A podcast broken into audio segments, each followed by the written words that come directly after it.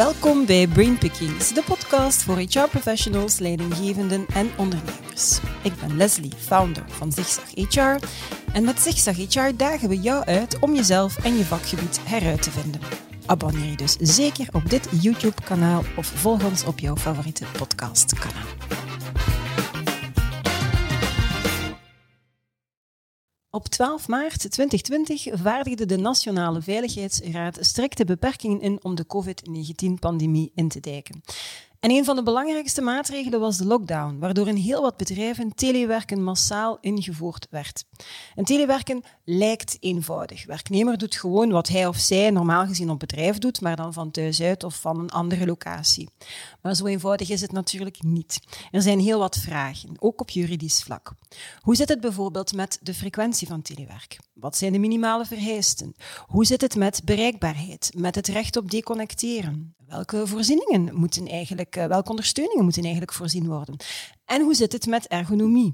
Wat met internetbeveiliging? Welke kosten worden wel of niet vergoed? Hoe wordt IT-support geregeld?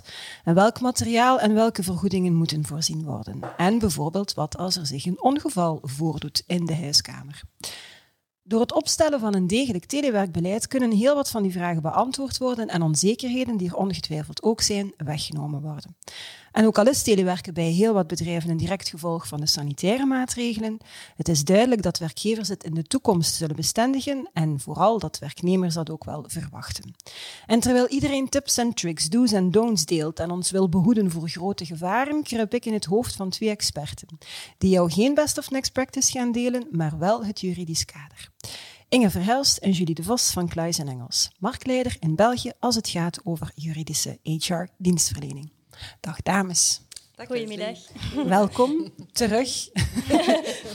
Blij dat jullie uh, terug te gast zijn. En um, ja, heel benieuwd naar het um, ongetwijfeld heel gestructureerd verhaal dat jullie gaan brengen. Zodanig dat iedereen die kijkt of luistert helemaal mee is. Je ligt de lat al. Ja. De lat ligt zeer hoog. Goed, um, Julie, als ik met jou mag uh, beginnen. Uh, na de vaccinatiecampagne van afgelopen zomer lijkt de, de grote terugkeer uh, naar de werkvloer aangebroken. Alhoewel een echte terugkeer is het niet, want heel wat ondernemingen hebben nu echt wel de voordelen van dat telewerken ingezien en zetten in op de new way of working of het hybride werken. Hè, zoals dat we dat nu doen. We omschrijven liever waarbij dat telewerk en kantoorwerk afgewisseld worden.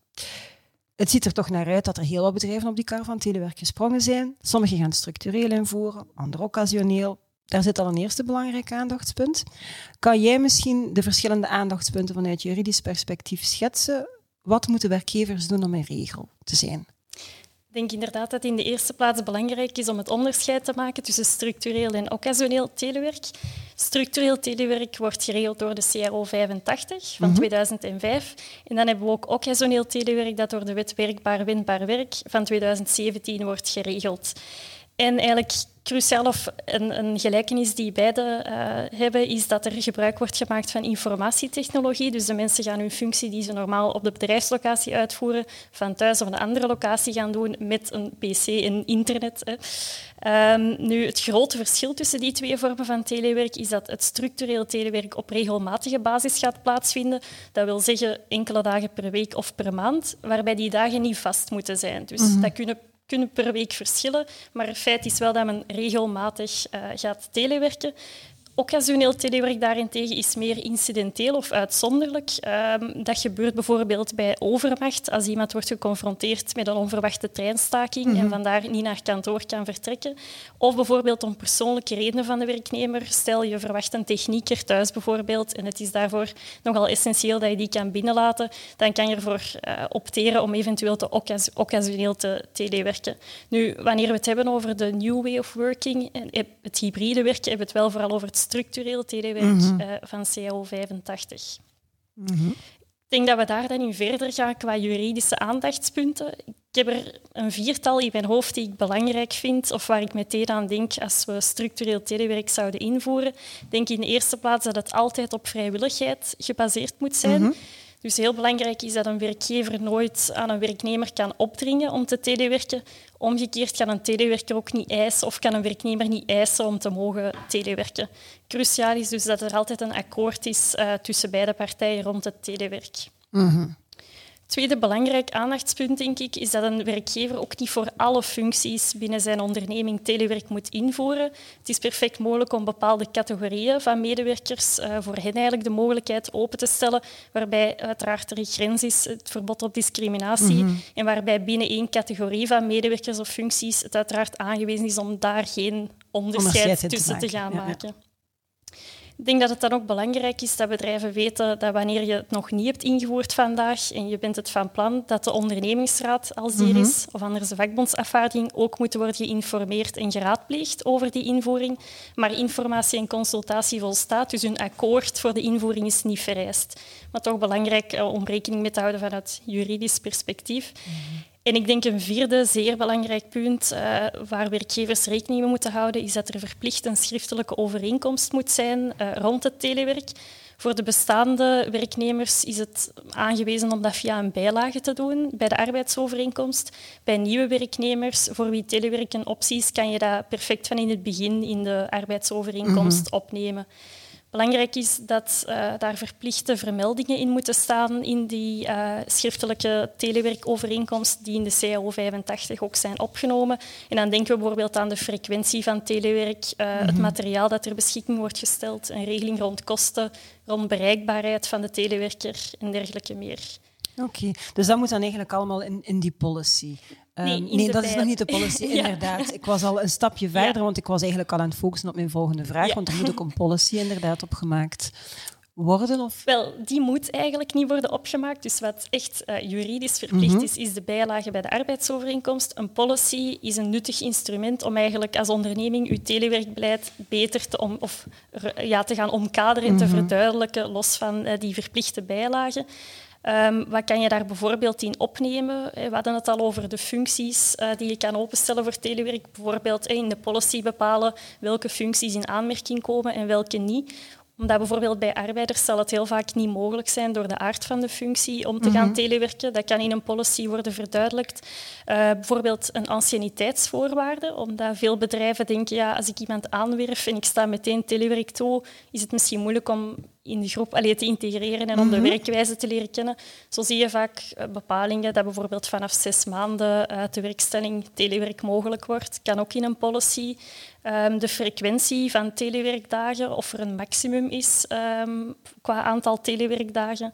Voor welke activiteiten werknemers bijvoorbeeld wel op kantoor worden verwacht, hoewel het strikt gezien hun telewerkdag is bijvoorbeeld. Mhm hoe zij eventueel een ongeval, eh, als het gebeurt, moeten aanmelden of moeten melden bij de werkgever. Dat zijn allemaal regels die eigenlijk niet verplicht in uw bijlage moeten worden opgenomen, maar waarvoor een policy een nuttig instrument is. Ja, dus geen juridische verplichting, maar misschien wel aangewezen in het kader van een goede samenwerking en duidelijke communicatie.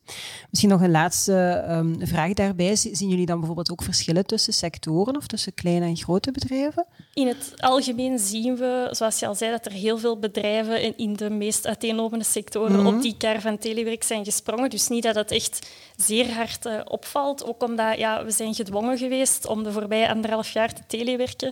We hebben de voordelen ervan ingezien, mhm. zowel voor werkgever als werknemer. En er is toch ook nu een ja, zekere druk vanuit de markt om, ja, om als werkgever die mogelijkheid van telewerk te voorzien, of je nu een groot of een klein bedrijf bent. Want er zijn nog weinig argumenten om het niet te doen, want het is bewezen dat het wel werkte. Vandaar dat we het ook wel in kleinere bedrijven ook ingevoerd zien. Qua sectoren zie je dat het minder in de retail bijvoorbeeld en in de mhm. logistiek wordt gedaan, zowel voor de arbeiders als de bediende functies. Um, sectoren waar het zeer frequent wordt ingevoerd is bijvoorbeeld ICT, financiële en verzekeringssector, zelfs in de zorg begeleiden. Mhm. Dus voor de bediende functies van ziekenhuizen zien we ook. Um, en qua aanpak zie je dan wel dat in grotere bedrijven het iets wat meer geformaliseerd verloopt. Hè. Zoals die policy gaan zij vaak wel invoeren uh, en mhm. vrij uitgebreid. Uh, dus, maar ik denk geen opvallend grote verschillen. Nee, zeg. nee, nee. Oké, helder. Um, Inger, dan ga ik even bij jou komen. Die new way of working betekent dat mensen dus tijd- en plaatsonafhankelijk kunnen werken. Misschien eerst even het tijdsonafhankelijk werken. Hoe zit het met arbeidsduur en tijdsregistratie? Hoe kunnen werkgevers arbeidsduur meten als de werknemers telewerken? Ja, Leslie, je weet dat, in België hebben we een heel strikt uh, arbeidsduurwetgeving. En daar vertrekt echt nog van het idee van vaste uurroosters die vooraf bekend moeten zijn. Er is een verbod van nachtarbeid en de nacht begint al om acht uur s'avonds. Ongelooflijk, hè? en, uh, en ook zondagarbeid is mhm. verboden. Nu, heel dat strikt kader is niet van toepassing bij telewerk. Mm Dus telewerkers zijn daarvan uitgesloten. En dus inderdaad, dat maakt dat telewerkers tijd onafhankelijk kunnen gaan werken. En zoals jullie al zei, anderhalf jaar uh, heeft iedereen daarvan genoten. En hebben natuurlijk werknemers ook de voordelen van die mhm. flexibiliteit ervaren, wat toch toelaat om werk en privé wat beter op elkaar af te stemmen. Maar ook ondernemingen hebben eigenlijk gezien, hè, want er was, bij veel werkgevers was daar toch nog altijd wat mhm. een perceptie dat dat niet ging lukken. En nu heeft men inderdaad gezien, ah, dat lukt wel. We, hebben eigenlijk hè, eh, misschien zelfs wat gelukkigere werknemers en eigenlijk de resultaten blijven uh, gelijk. En je krijgt dan natuurlijk natuurlijk wel een tegenstelling vandaag tussen die flexibiliteit tijdens dat telewerken en dan op kantoor plots mm toch weer terug binnen dat uh, strikt kader uh, gaan werken. Nu, omdat die telewerkers uitgesloten zijn van de arbeidsduurwetgeving, ja, ga je in principe ook geen tijd meer meten. Mhm. hè? Want ja, het heeft, als je het zou doen, je kan het doen. Er zijn hoogtechnologische toepassingen mhm. die, dat toelaten. Je kan een, een prikklok, een prikklok hebben op je pc die dat je s'morgens aanzet. Maar je gaat er eigenlijk ook niet echt gevolgen aan kunnen verbinden. Dus wij zijn daar niet echt voorstander van om dat te mhm. doen, omdat dat ook een beetje een verkeerde perceptie gaat geven bij, werknemers die gaan misschien dan toch nog het gevoel krijgen van ah, ik heb veel uren gedaan, dat zijn overuren, die moeten vergoed worden en mhm. dergelijke. Dus ik denk eigenlijk dat, we, ja, dat werkgevers meer naar een mindshift uh, moeten, mm moeten gaan, van meer op resultaten gaan uh, belonen. Maar natuurlijk, wat de uitdaging gaat zijn, denk ik, de komende maanden, is hoe combineer je dat inderdaad? Hè? Dus dat telewerk met die volledige flexibiliteit en dan het kantoorwerk, waar dat je nog wel dat strikt kader hebt en waar dat je nog wel die uren moet gaan uh, meten. En daar merken we, of krijgen we toch meer en meer vragen van ondernemingen om ook op kantoor eigenlijk dat weg te laten vallen, die strikte uh, regels. Maar dat is natuurlijk vandaag nog niet zo uh, evident. Maar dat is wel ook een punt om over na te denken in het kader van die policy waar dat Julie het over had. bijvoorbeeld, wat doe je met mensen die een halve dag van, van thuis uitwerken en dan naar kantoor komen? Inderdaad. Vanaf wanneer begin je dan te tellen? Telt die arbeidsverplaatsing mee?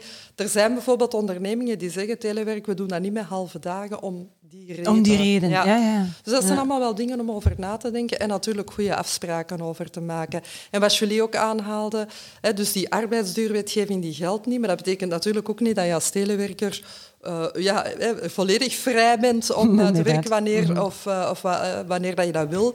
er moeten afspraken gemaakt worden over de beschikbaarheid en de bereikbaarheid van, mm van telewerkers. En dat is iets dat verplicht in het addendum mee moet opgenomen worden.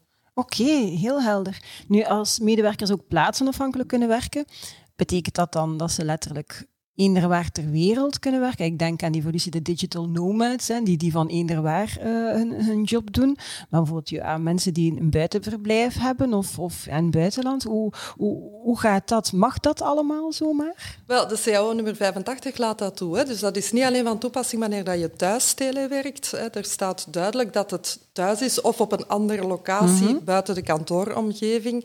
En dus inderdaad, we zien dat fenomeen echt, dat is upcoming. Mm Mensen gaan van hun tweede verblijf in België of in het buitenland beginnen telewerken. Um, ze gaan op vakantie en ze blijven een maandje langer om te telewerken. Ja. Uh, dat kan zelfs buiten de Europese Unie zijn. Of je hebt uh, Nederlandse uh, werknemers die ja, dat telewerken natuurlijk ook heel fijn vinden om niet meer elke dag die file naar België te moeten, te moeten gaan afleggen. Maar er is natuurlijk wel, hè, dus het kan en het gebeurt ook. Het is echt iets waar we heel veel vragen momenteel over krijgen. Maar er is wel een heel belangrijke juridisch gevolg aan, mhm. omdat de juridische wetgeving die redeneert niet virtueel. Hè. Virtueel ben je nog altijd binnen een Belgische organisatie aan het werk, of dat je nu in Spanje zit of, uh, of in, in, in Antwerpen, bij wijze van spreken. Maar de wetgeving die gaat enkel kijken waar dat je geografisch bent. en dus dat betekent, als je in Spanje aan het werken bent, dat de Spaanse wetgeving van toepassing mhm. kan mhm. Eh, worden. Uh, dat hangt ervan af natuurlijk van hoeveel dat je daar dan uh, aan het werk bent. Dus die wetgeving is daar totaal niet aan aangepast. Dus ook weer heel belangrijk om daar rekening mee te houden. Ook weer om daar in de policy goede afspraken over te maken. In de eerste plaats te zorgen dat je weet waar dat je werknemers aan het werk zijn. um, dat ze jou op voorhand dat ook gaan aankondigen. En er zijn ook bedrijven ja, die dat toch wat gaan inperken om administratieve rompslomp te vermijden. Die gaan zeggen bijvoorbeeld, ja, geen telewerk buiten de Europese mhm. Unie, want ja, dat zit al met immigratiebeperkingen. Of uh, het MASH, maar heel beperkt. Nu, opnieuw, de markt zet daar wel wat druk op uh, om, om dat plaatsonafhankelijk werken ook mogelijk te maken. Maar het is, het is gewoon, denk ik, heel belangrijk om daar op voorhand over na te denken. Ja, uh, en opnieuw, dat zijn dingen die echt een plaats vinden in die policy. Ja, dat je echt moet gaan neerschrijven en tot een uh, overeenkomst daarin komen dan. Nu, ondernemingen um, hebben een verplichting om in te staan voor de veiligheid en de gezondheid van hun medewerkers. Um, hoe kunnen ondernemingen dat dan realiseren als, als, ja, als een deel van, van personeel thuis aan het werken is? Julie, ik ga misschien uh, aan jou vragen. Moet, moeten bedrijven dan bijvoorbeeld een, uh, een thuiskantoor gaan, uh, gaan inrichten? En kunnen bedrijven er dan zelfs op aangesproken worden als die werknemer niet veilig zou werken van thuis uit? Dat is inderdaad een terechte vraag die we nu ook heel veel uh, gesteld krijgen door werkgevers. Ik denk dat in de eerste plaats heel belangrijk is dat de volledige welzijnswetgeving in principe van toepassing mhm. blijft op telewerkers. Dus ongeacht waar zij werken, die welzijnswetgeving speelt. En dat betekent ook dat in je welzijnsbeleid je aandacht moet besteden aan specifieke risico's die met telewerk gepaard kunnen gaan. Waarbij we vooral denken aan het feit dat mensen heel de dag aan een computer zitten. Dus beeldschermwerk wel een risico met zich meebrengt. Ergonomie ook uh, en psychosociale risico's. Eventueel door het feit dat men toch minder in contact komt uh, met collega's wanneer men verschillende dagen na elkaar van thuis werkt. Dus heel belangrijk om wel echt rekening mee te houden in het welzijnsbeleid. Nu, het tweede punt, ja, de welzijnswetgeving is nog niet echt heel goed afgestemd op de specifieke situatie van telewerkers, waardoor we vandaag een beetje ja, moeten zoeken in die wetgeving hoe we dat uh, goed kunnen implementeren in het mhm. kader van telewerk. Qua thuiswerkkantoor is er volgens ons in de huidige stand van de wetgeving geen verplichting om als werkgever dat te gaan inrichten. Mhm. Ehm, er is een duidelijk stuk in de codex dat gaat over brandveiligheid, verluchting, verlichting en dergelijke, waar expliciet staat dat het alleen van toepassing is op de bedrijfslocatie. Dus dat is eigenlijk eenvoudig, allee, heel klaar en duidelijk. Brandveiligheid en dergelijke is zeker geen verantwoordelijkheid van de werkgever voor een werknemer die thuiswerkt. Wanneer we dan meer naar bureau zelf en materiaal gaan kijken, zien we dat de CAO 85 over het structureel telewerk uh, zegt dat de werkgever de voor telewerk benodigde apparatuur moet voorzien. En dan mhm. gaat het eigenlijk om apparatuur die je echt nodig hebt, hè, informatietechnologie dan, IT-materiaal, om überhaupt je job te kunnen uitoefenen van thuis. Dus die laptop voor sommige mensen een gsm, internet ook wel cruciaal. Maar over materiaal of ergonomisch bureaumateriaal bijvoorbeeld, staat er eigenlijk niks of is er niets terug te vinden in de CAO 85. Qua welzijn zegt die CAO dan van ja, de werkgever moet informeren over het welzijnsbeleid dat in de onderneming geldt. En de telewerker moet het uitvoeren. Dus ook daar kan je uit afleiden dat eigenlijk de werkgever wel een inspanning moet doen om de risico's te analyseren en om maatregelen eventueel te nemen en daarover te informeren. Maar niet dat het zover gaat dat hij echt uh, dezelfde materiaal als op de bedrijfslocatie ook nog eens thuis uh, zal moeten voorzien. Natuurlijk, als je als werkgever een risicoanalyse maakt en je komt tot de constatatie dat er toch of dat je vindt dat er toch wel serieuze risico's aan verbonden zijn, heb je altijd de mogelijkheid wel om materiaal te gaan voorzien. En veel bedrijven doen dat ook wel, uh, om tweede schermen of bureaustoelen aan te bieden. Maar er zijn dus ook andere oplossingen. Informeren uh, volstaat. Dat kan via brochures die je bij preventiediensten vindt, bijvoorbeeld. Uh, sommige bedrijven laten materiaal van kantoor meenemen naar huis, bijvoorbeeld. Dus je kan daar vrij creatief in zijn. Het is vooral belangrijk om het mee te nemen in je beleid uh, daar rekening mee te houden. Mm Oké. Dan ga ik terug bij jou komen, ik. Het is zo van de, ene collega naar, eh, naar de andere. Het, um, het uitgebreide en het verlengde telewerken zorgden ook, natuurlijk ook voor versnelde digitalisering van het werk. Wat zijn hier dan zo de belangrijkste aandachtspunten vanuit juridisch perspectief? Bijvoorbeeld recht op deconnectie. Frankrijk was het eerste land, denk ik, ter wereld om recht op deconnectie echt wettelijk vast te leggen. Dat is in België nog niet het geval. Wij hebben dat eigenlijk al van voor COVID, sinds 2018 mhm. is dat in de wetgeving opgenomen, maar het mhm. is iets volledig anders dan in Frankrijk. Dus in Frankrijk is dat echt een recht voor de werknemer. In ehm, België heet het ook het recht uh, op deconnectie. Maar het is in feite niet meer dan een verplichting om daarover te overleggen, dus om dat op de agenda te zetten van uw uh, comité voor preventie en bescherming op het werk, uw preventiecomité. Okay. Nu, dat gezegd zijnde, heel veel ondernemingen hebben dat nog niet uh, gedaan. Hè. Dus het is puur het op de agenda zetten, erover ja. praten. En dan voorziet de wet dat als je de afspraken maakt, dat die ook kunnen vastgelegd worden. Mm -hmm. Nu, wat dat we wel zien, is dat ja, COVID natuurlijk daar meer aandacht op geeft. Hè. Julie heeft het er juist ook al gezegd. Ja, mensen die eigenlijk een volledige dag aan hun pc ja. gaan gekluisterd zijn, is het wel belangrijk om over de gevolgen daarvan uh, na te denken. En eh, horen we toch ook wel dat er gedragscodes worden uitgewerkt. Vind ik zelf ook een, een heel goede tip mm -hmm. om dat te doen, met een aantal vrijblijvende richtlijnen. Ik vind ja. niet dat je daar veel te verplichtend in moet zijn, maar je kan bijvoorbeeld wel zeggen van kijk, laten we proberen geen teamsmeetings te organiseren voor acht uur s morgens of voor negen uur s morgens of, of, uh, of na vijf uur, want ja, op een bepaald moment begon dat op de gekste uren uh, ja. ingepland te worden. Ook een goede vind ik bijvoorbeeld een half uur elke keer tussen laten tussen al die teamsmeetings, zodat je niet hopt van de ene naar de andere. Uh, dat zijn zo van die simpele stelregels. Ook bijvoorbeeld een hele goede is hè, mensen uh, niet verbieden om s'avonds e-mails te sturen, mm -hmm. maar wel duidelijk maken van kijk, als je een e-mail s'avonds krijgt, je bent niet verplicht om daarop, om daarop te reageren. Ja, ja, ja. Uh, dus dat zijn zo van die simpele regels. Uh, nu, dat gaat zeker evolueren nog naar de toekomst toe. Mm -hmm. Europa is ook een beetje op die kar gesprongen en heeft nu het initiatief genomen om daar een richtlijn over uit te vaardigen. Okay. Dus dat wordt ongetwijfeld nog uh, vervolgd naar de toekomst toe. Mm -hmm. Zeg, en als we dan digitaal vergaderen en dan online documenten beginnen delen hè, met elkaar, hoe zit dat dan met gegevensbescherming, met privacy?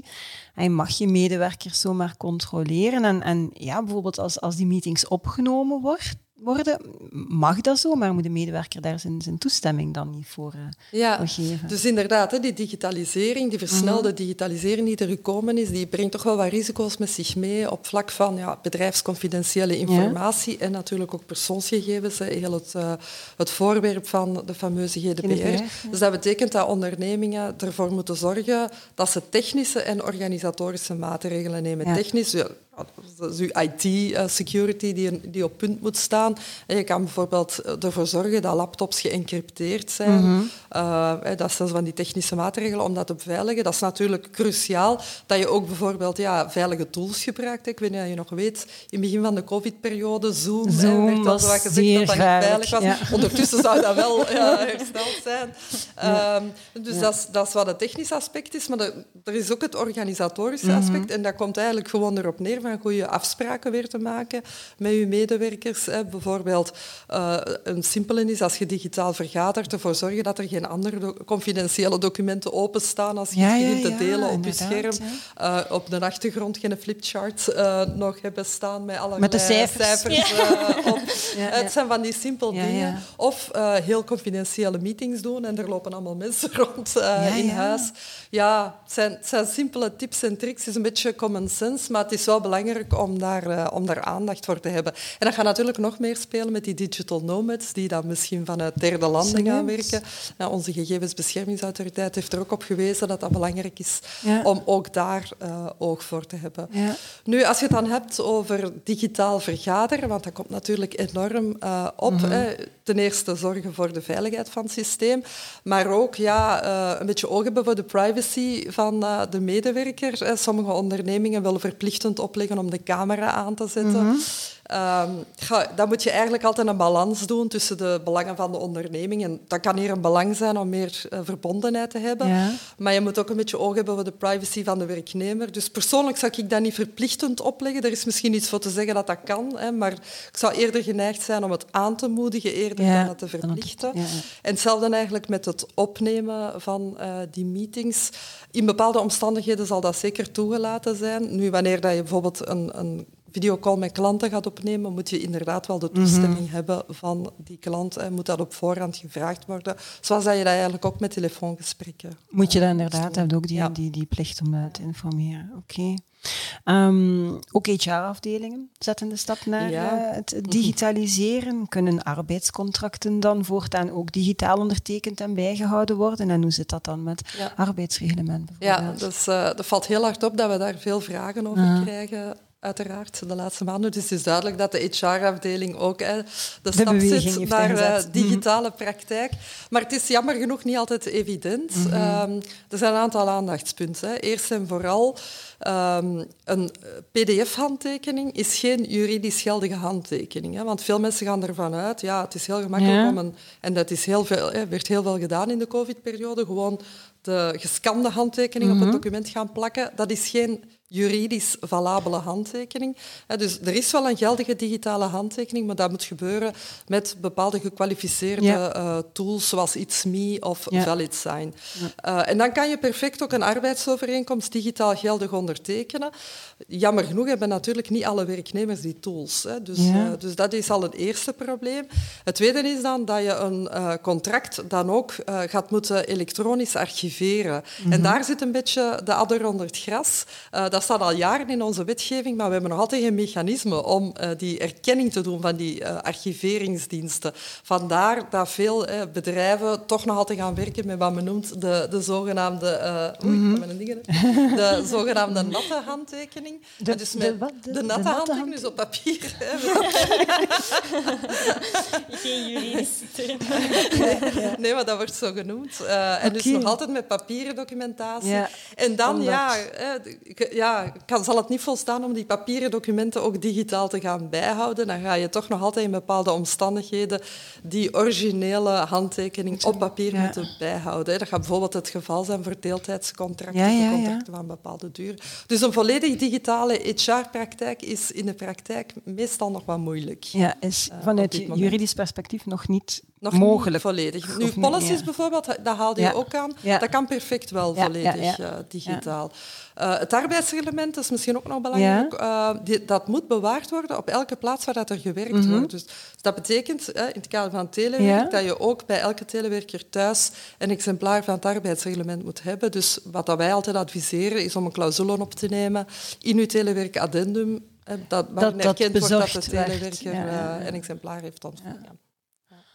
Um, om af te sluiten dan, uh, aan jullie beiden. Uh, telewerk werd massaal ingevoerd, maar lang niet alle werkgevers en werknemers zaten daar op te wachten of waren daar zeker niet noodzakelijk klaar voor.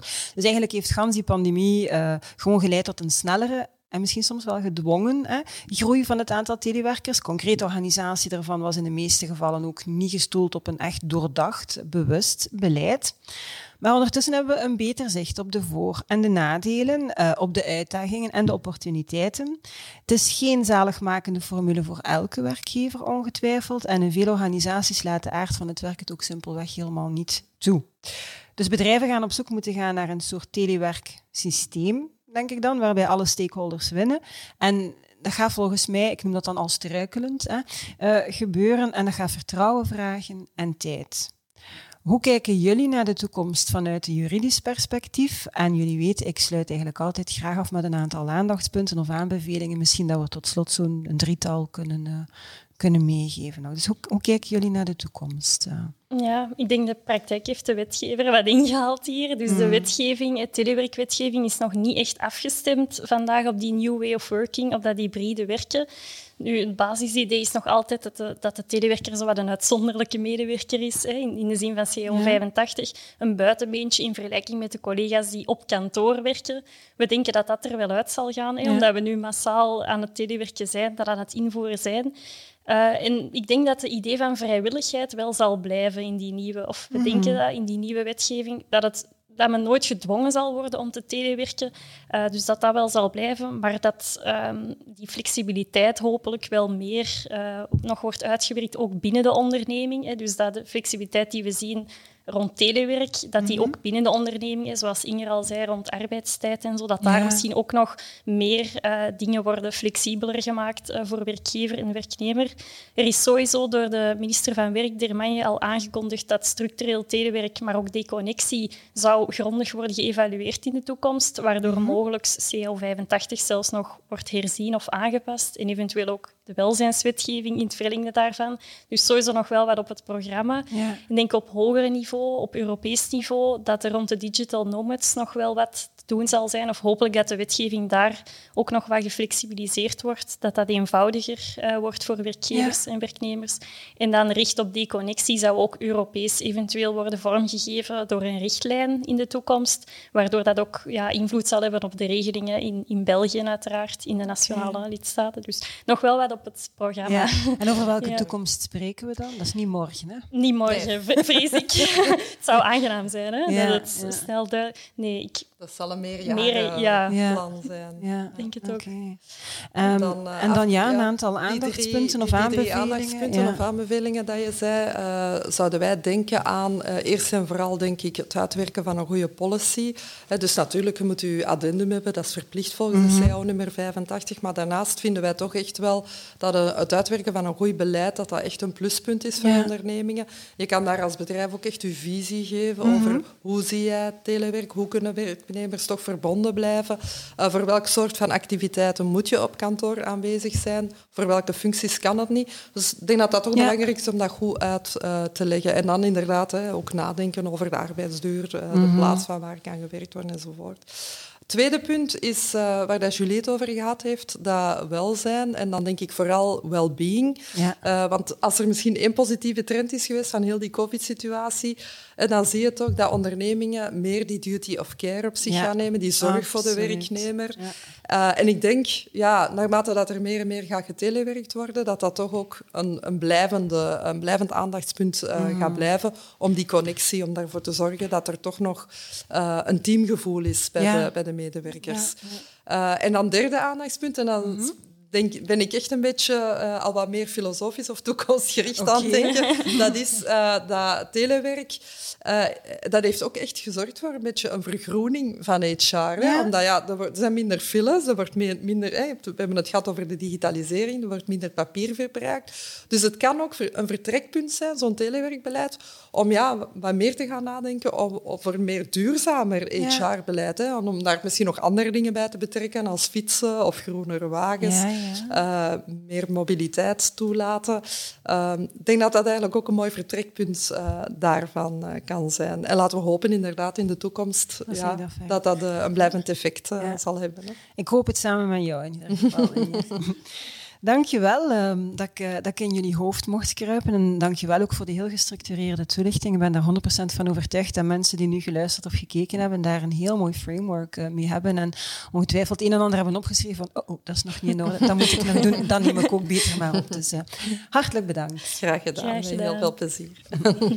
Merci ook aan, uh, aan, jullie om te kijken of om te luisteren. Ik kruip binnenkort uiteraard opnieuw in het hoofd van een van de venoten of advocaten van Klaes en Engels. En dat wil jij voor geen geld ter wereld missen.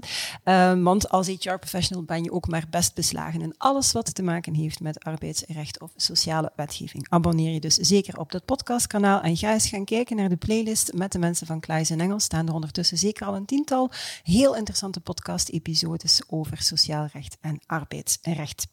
Het allerbelangrijkste sluit ik elke podcast mee af. Eigenlijk weten jullie dat al heel erg lang. It's a great time to be in HR. Tot de volgende.